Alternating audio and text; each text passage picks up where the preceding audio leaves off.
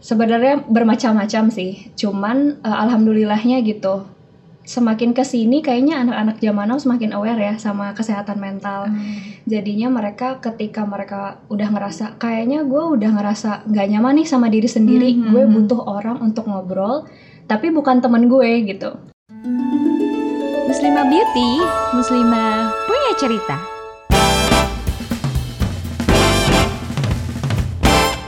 Assalamualaikum warahmatullahi wabarakatuh. Halo Muslimah, balik lagi ke uh, podcastnya Muslimah Beauty. Di sini ada aku dan Gina. Iya, udah Tapi, tahu kan kita eh, siapa. Jadi kita nggak perlu perkenalan diri lagi ya. Ada aku Rere dan Gina. Tapi Gin, Ya. podcast kali ini berbeda daripada sebelumnya ya. Karena Iya. kita nggak bareng Mika. Bareng. Dan udah kayak kikuk gitu gak sih kak? Udah lama gak ketemu. Terus hari ini ketemu aku lagi nervous nih. Oh maaf. Iya. Ada siapa nih di sini kak? Jadi kita bertiga podcastnya, tapi bukan Mika. Tapi sama-sama pakai kacamata. Sama-sama pakai Ah. kacamata. Siapa? ada Miko. bintang tamu kita malam minggu minggu ada bintang tamu nih. Ah. kita kedatangan tamu di podcast kali ini. Siapa ada tuh? siapa nih Ci ada Muslimah Beauty Squad 2018 Rizka. Halo boleh Rizka perkenalan diri dulu dong. Oke terima kasih Kare terima kasih Kak Gina Halo teman-teman semua, kenalin nama aku Rizka Ritvinanda. Aku Muslimah Beauty Squad tahun 2018. 2018 ya, itu squad pertama ya Iya. kayak kemarin. Eh, terus sekarang aktivitas regulernya adalah sebagai trainer di salah satu company di BSD. Terus setel- selain itu sebagai mental health activist di beberapa platform kesehatan mental di Instagram. Lagi ngehits kan sekarang. ya. Iya iya iya bener-bener Sekarang kesehatan kan- mental lagi ngehits apalagi di tengah pandemi kayak gini Iya, kan. Itu sekali. banyak banget kaum muda yang Depresi, depresi bingung, cemas Iya, ya, cemas, khawatir dengan masa depan masa depan. dan banyak hal lagi gitu. Quarter crisis life. Quarter life crisis. Nah, kebalik. So tahu. Ini ahlinya bukan saya ya. iya, kita ngebahas itu nih teman-teman. Iya, jadi kita akan membahas tentang kesehatan mental kaum muda di tengah pandemi. Di mana memang apa pandemi ini benar-benar bikin kita tuh jadi merasa kesulitan dari berbagai banyak hal ya. Betul. Baik yang namanya tentang pekerjaan, tentang apa kehidupan gitu, Aduh, keuangan, finansial gitu kan. Cinta karir. juga ya. Cinta juga ya jadi jalan Makin ketemu. jauh. Aduh. Semuanya serba berbeda ya. Betul. Oke, nah o- kalau gitu kita langsung tanya-tanya aja kali gini ya sama Rizka tentang Boleh. tema kita kali ini. Mungkin Gina mau mengawali pertanyaan Tentang pertama. Akan diinterogasi. Iya, jadi Ibu Rizka. Oke. Oke. Jadi gini, Rizka. Jadi gini. Ini ini mau curhat atau gimana? iya, boleh curhat. kita tanya-tanya dulu baru curhat Iya. lah ya. Jadi Rizka ini kan emang pandemi ini kan banyak banget orang mengalami kesulitan ya yang Mm-mm, tadi betul. seperti kita bilang masalah karir, cinta, finansial dan lain sebagainya gitu kan. Nah, khususnya kaum muda, kaum muda ini kan emosinya kayak masih agak labil gitu ya. Mungkin mereka masih kayak bingung, eh gue harus gimana nih? Karena gue baru juga eh, apa namanya hidup beranjak dewasa Eh, gitu, tapi sudah tiba-tiba mengalami mengalami Ganti kehidupan yang kayak gini gitu kan. Nah mungkin kalau misalkan dari kayak gitu emosinya si kaum muda ini itu berdampak pada perasaan emosinya nggak sih maksudnya kayak apa yang mereka alami gitu ketika mereka mengalami kesulitan di, Di masa pandemi pandemi. gini. pandemi ya. Sebenarnya nggak harus pandemi aja sih ya kak. Ah, ah. Ketika kita mulai ke kehidupan baru, sesimpel kita dari SMP ke SMA, iya SMA ke kuliah gitu ya, Ah. itu tuh kan merupakan eh, suatu hal yang benar-benar baru dalam hidup kita gitu. Tapi hebatnya dunia ini adalah gitu kan, tahun kemarin kita dihadapkan dihadapkan sama corona, itu suatu hal yang nggak cuman kaum muda aja yang ngerasa iya ini kenapa sih Benar. gitu kan tapi orang tua juga anak-anak balita gitu juga semuanya mengalami nah tapi kalau di anak-anak muda sendiri gitu ya Hmm. khususnya di usia 18 sampai 20-an Mm-mm. kita ngerasa uh, sebenarnya kan kita udah sering banget gitu ya dengar kata quarter life crisis. Ini ditambah pandemi lagi yep. gitu kan. Mm -hmm. Sebenarnya yang common di, dirasakan oleh anak-anak zaman now gitu ya ketika corona ini adalah yang pertama cemas sih. Mm -hmm. Kenapa cemas? Karena semua serba nggak pasti gitu. Benar-benar. Terus udah gitu selain cemas kita ngerasa kok kayaknya bebannya lebih bertubi-tubi ya stresnya tuh lebih nambah gitu, gitu iya bener beban hidupnya jadi tek tek nah, gitu ya. terus uh, selain kita cemas terus stres udah gitu merasa sendiri feel loneliness gitu-gitu hmm. karena ya kita nggak bisa memungkiri ya nggak bisa ketemu teman yang tadinya mungkin uh, suka hangout ke mana gitu ya atau anak-anak coffee shop gitu biasanya hmm. eh nanti kita nongkrong ke coffee A ya, nanti coffee B sekarang kan nggak bisa gitu. Jadi hal-hal itu sih yang common banget di era pandemi sekarang ini gitu, yang kita rasain dan aku ngerasain juga gitu. Mungkin Kak Gina sama Kak juga ngerasain yeah. gitu. Hal-hal lewat sih masa mudanya. Forever yang lah. Forever ya, gitu sih. Jadi lebih ke cemas, khawatir gitu ya perasaan emosi yang dialami sama kaum muda. Kamu juga nggak Gin merasakan kecemasan iya, dan kekhawatiran? Enggak cemas sih kayak lebih bosan kayak boring ya boring, hmm. mau ngobrol mau cari teman buat ngobrol tapi nggak lewat sosmed, sosmed. Ah, ah, ah, mau langsung, langsung gitu kan pas ketemu teman langsung wow excited banget ya iya kayak ini nih harus ngobrolin ini betul betul, betul. nah kalau misalnya mereka seperti itu nih kayak punya perasaan emosi yang khawatir, mm -hmm. yang cemas, yang bosan dan lainnya gitu. Itu dampaknya akan ke mana sih ke kesehatan mental mereka atau gimana sih? Of course sebenarnya uh, dampak langsungnya adalah ke kesehatan mental ya. Mm-hmm. Tapi selain ke mental, ke perilaku kita juga akan terdampak gitu. Terus uh, berdampak juga ke sosial kita. Jadinya mm-hmm. kita lebih susah untuk reach out teman-teman kita lagi gitu. Yang tadinya gampang banget gitu buat kita ngobrol masalah apa pun hal apa pun sekarang tuh kayak lebih hati-hati hmm. lebih apa ya takutnya ngeganggu ah atau gimana? gitu kan. Pokoknya lebih apa ya lebih uh, hati-hati gitu. dan uh, uh, hati-hati dan sensitif sih gitu jadi ke kesehatan mental udah pasti sih. Semenjak satu tahun ini kakak udah tahu gak sih gejala dari pandemi ini ke krisis ke mental health seseorang hmm. tuh gimana sih? Apakah udah ada atau belum? Sebenarnya udah banyak banget kasusnya kak. Uh, kalau dari beberapa teman-teman yang kebetulan curhat juga hmm. lewat platform ke hmm. aku gitu, mostly mereka merasakan cemas dan apalagi buat teman-teman yang mungkin orang tuanya yang uh, apa namanya kerjanya tuh dirumahkan gitu loh. Yang memang karena efisiensi. Itu mereka merasakan beban yang luar biasa banget. Kayak kak aku nggak tahu lagi harus gimana. Aku harus bantu orang tua aku seperti apa gitu loh. Apalagi yang mungkin teman-teman yang ngerasain jadi anak pertama gitu kan terus usianya 20-an dan orang tuanya kebetulan dirumahkan gitu. Itu menjadi suatu hal yang luar biasa banget sih buat teman-teman gitu. Dan itu otomatis uh, akan apa ya mengguncang lah ke kesehatan mm -hmm. mental gitu jadi pasti akan kena sih. Oh, berarti banyak banget yang udah curhat sama Rizka nih. gimana nih kak? Minta solusi kan? Banyak kalau muda yang minta solusi gimana nih kak caranya? Nah biasanya Rizka ngasih tips apa ke mereka? Sebenarnya sih kalau aku sebagai peer counselor gitu ya mm-hmm. uh, di platform kesehatan mental sebenarnya yang aku dan teman-teman tawarkan adalah bukan solusi tapi lebih ke ngasih pandangan lain sih kayak oh, oke okay, berarti uh, hal yang lagi kamu alami itu seperti ini ya mm-hmm. oke okay, dari kalau dari aku sih sudut pandangnya seperti ini gitu jadi sebenarnya untuk ngasih solusi akan balik lagi dibalikin lagi ke orangnya apakah uh, pendapat kita itu match dengan dia gitu mm-hmm. bisa dia terima atau enggak gitu Nah, tapi kalau misalnya udah mentok banget gitu ya orang ini benar-benar butuh solusi, ya kita akan offering kalau menurut aku sih begini begini begini gitu.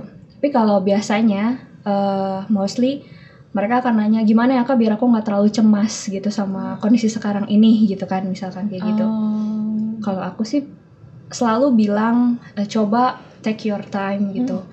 Bernafaslah dengan uh, semestinya gitu. Hmm. Kadang karena kita cemas itu ketika lagi uh, apa namanya bernafas tuh susah gitu sampai hmm. sesek malah hmm. nah itu coba deh kamu di kamar atau di mana kayak yang tenang gitu di rumah coba untuk latihan pernafasan di YouTube banyak sih kayak latihan hmm. pernafasan dihitung misalkan 10 kali tarikan nafas abis itu uh, ditahan abis itu buang perlahan gitu aja terus sampai ngerasa udah lebih enak udah lebih rileks nah abis itu baru kita pikirkan apa ya yang bisa saya lakukan di saat seperti ini di kondisi saya yang saat ini apa sih yang bisa saya lakukan gitu hmm. jadi daripada kita terus-terusan cemas gitu ya dan memikirkan hal-hal yang belum tentu kejadian gitu hmm, nantinya. Hmm, hmm. Kita fokus aja sama diri kita sendiri, fokus sama kondisinya, apa yang bisa kita lakukan ya and do it gitu.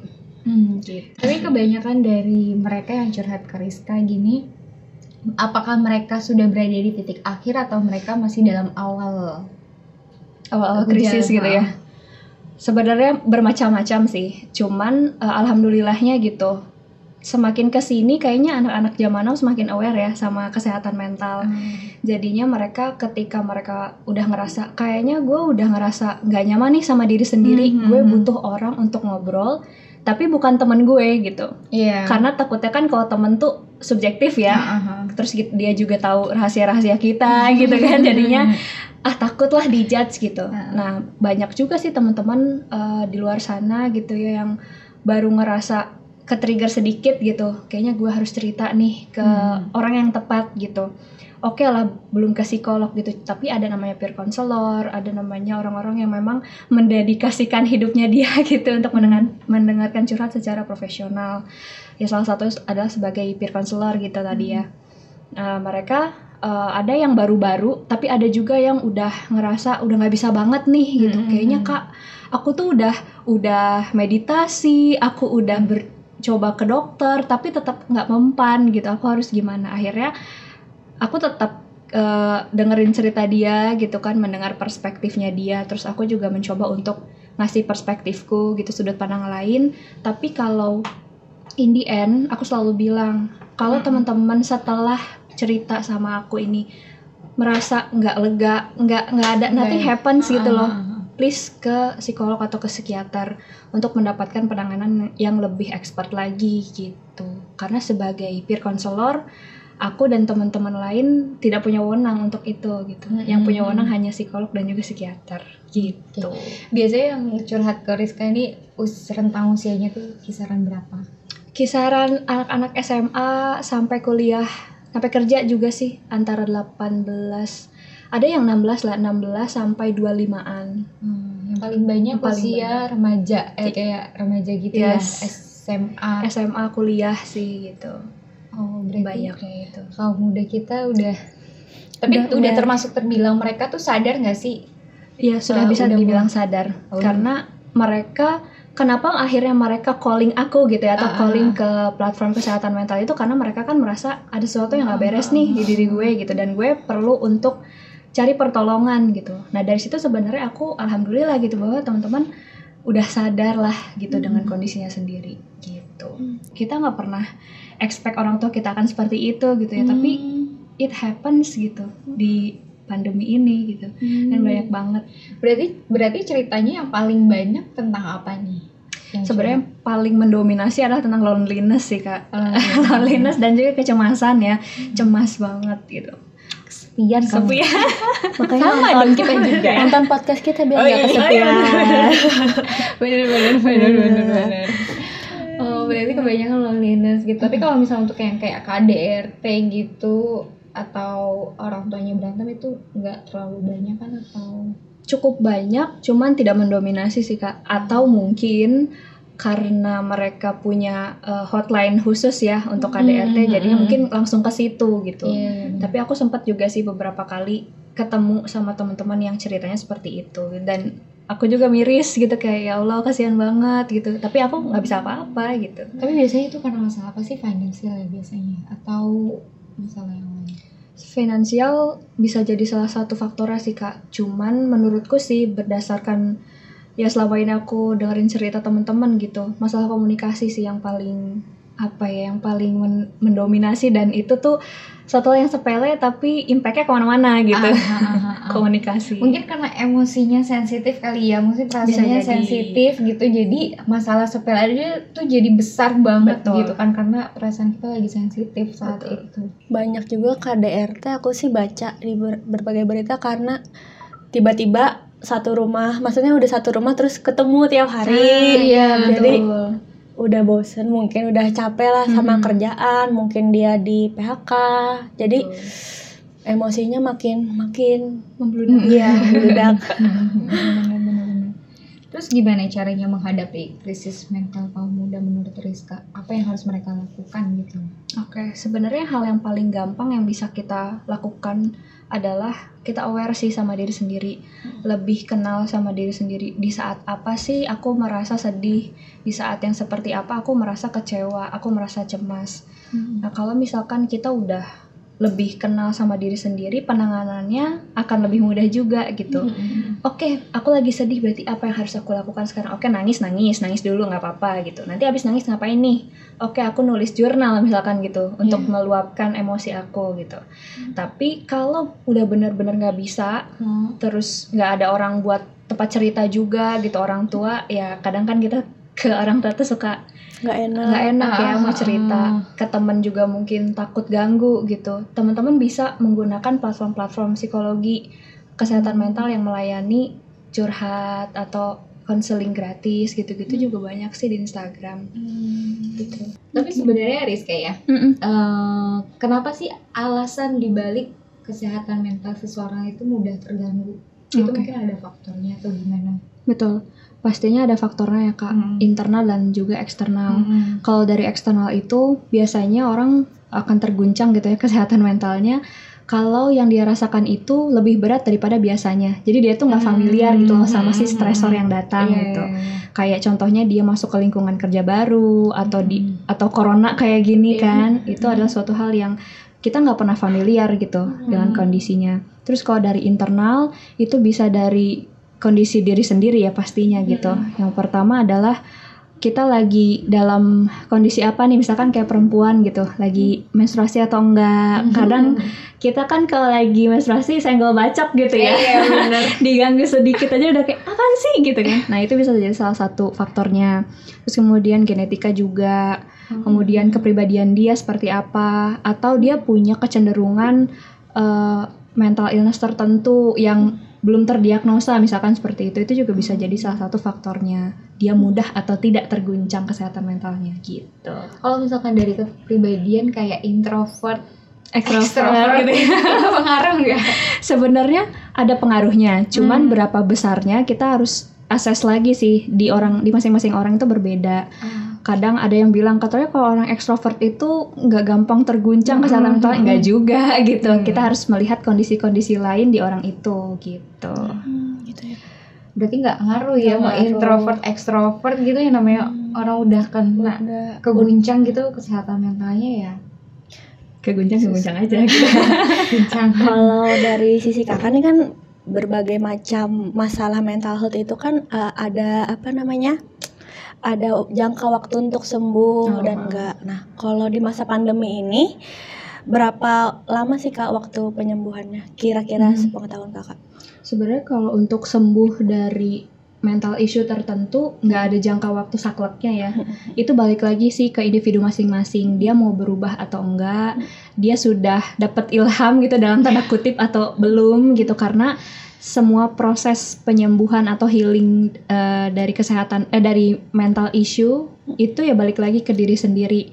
Mau sejago hmm. apa peer counselor atau psikolog yang nanganin kalau dari dirinya sendiri nggak mau berubah, gak nah nggak mau berubah, nggak mau uh, apa ya melihat suatu hal dari perspektif lain ya akan susah gitu. Jadi bisa berbulan-bulan bahkan bertahun-tahun gitu.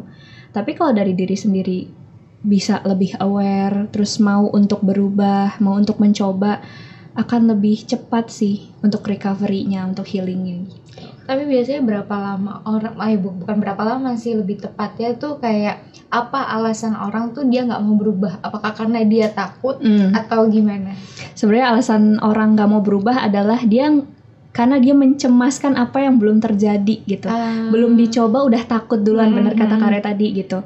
Padahal sebenarnya kan kita nggak akan pernah tahu kalau kita belum mencoba gitu kan. Mm-hmm. Karena akan jadi percuma kalau peer counselor atau psikolog atau psikiaternya bilang A, tapi dia menyaksikan gitu. itu Mm-mm. terus gitu kayak ah apaan sih nggak mungkin deh kayaknya apa segala macam ya susah juga gitu.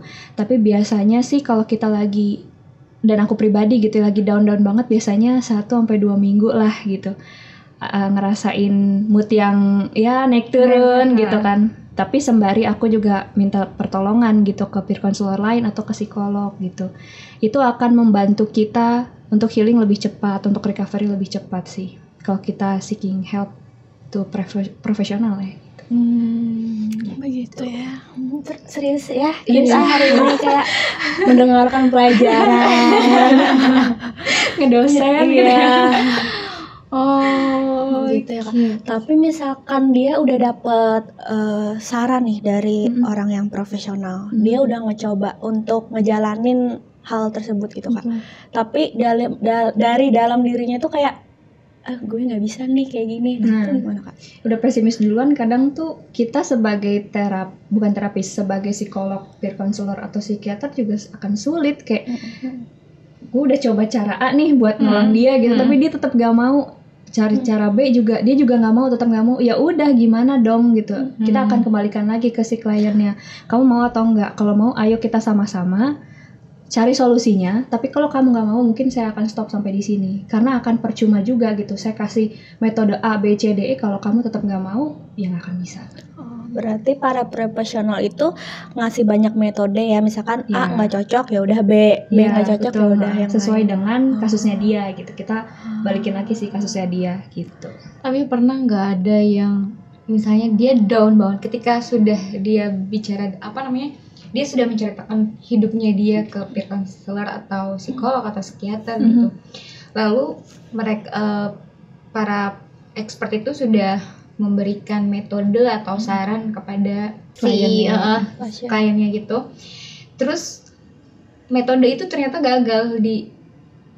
Pasiennya. Oh, pasiennya Lalu pasiennya banyak nggak yang mengalami down atau kayak mengalami apa ya malah makin terpuruk gitu hidupnya atau gimana? Sebenarnya sih kalau eh, dia lebih parah atau enggaknya gitu ya, Hmm. itu akan balik lagi ke si eh, profesionalnya gitu. Kadang tuh kita eh, kalau psikolog ya, terutama bukan peer counselor, Hmm. psikolog akan bilang kita akan coba ini ya eh, lakukan hal ini, misalkan dikasih PR atau apa Hmm. gitu ya. Nanti kita lihat selama misalkan dua minggu atau satu bulan ke depan ada perubahan atau enggak gitu. Kalau misalkan ada perubahan dan cocok di kliennya akan dilanjutkan biasanya gitu. Hmm. Tapi kalau enggak biasanya kita akan diskusi lagi dengan klien oke berarti nggak ada ini ya kamu nggak merasakan perubahan apa pun dan aku juga melihat tidak ada progres gitu misalkan kita eh, cari cara lain yuk gitu hal apa gitu nanti kita akan selalu diskusi sih dengan klien jadi nggak hanya satu arah gitu kayak ibaratnya dokter ngasih obat gitu ya Ah, gitu. jadi oke. ada proses diskusinya juga sih Jadi biasanya pasiennya sama expertnya diskusi dulu. Betul. Ini kamu kira-kira mampunya yang mana gitu metodenya eh, gitu lah iya. ya. Mau nggak kamu ngelakuin yang ini gitu? Hmm. Dirasa berat atau enggak? Coba dulu yuk seminggu atau dua minggu gitu. Hmm. Kalau dia ngerasa berat, dia ngerasa dan juga nggak ada perubahan, ya kita akan ganti ininya sih treatmentnya. Yang curhat di kakak ini kan kalangan umur 16 sampai 25 Mm-mm. kan kakak bilang tadi.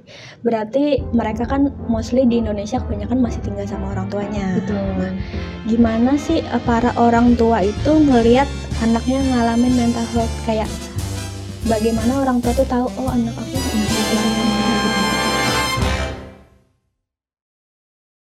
Sebenarnya bermacam-macam sih. Cuman eh, alhamdulillahnya gitu.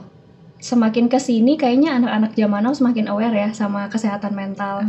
jadinya mereka ketika mereka udah ngerasa kayaknya gue udah ngerasa nggak nyaman nih sama diri sendiri Mhm. gue butuh orang untuk ngobrol tapi bukan temen gue gitu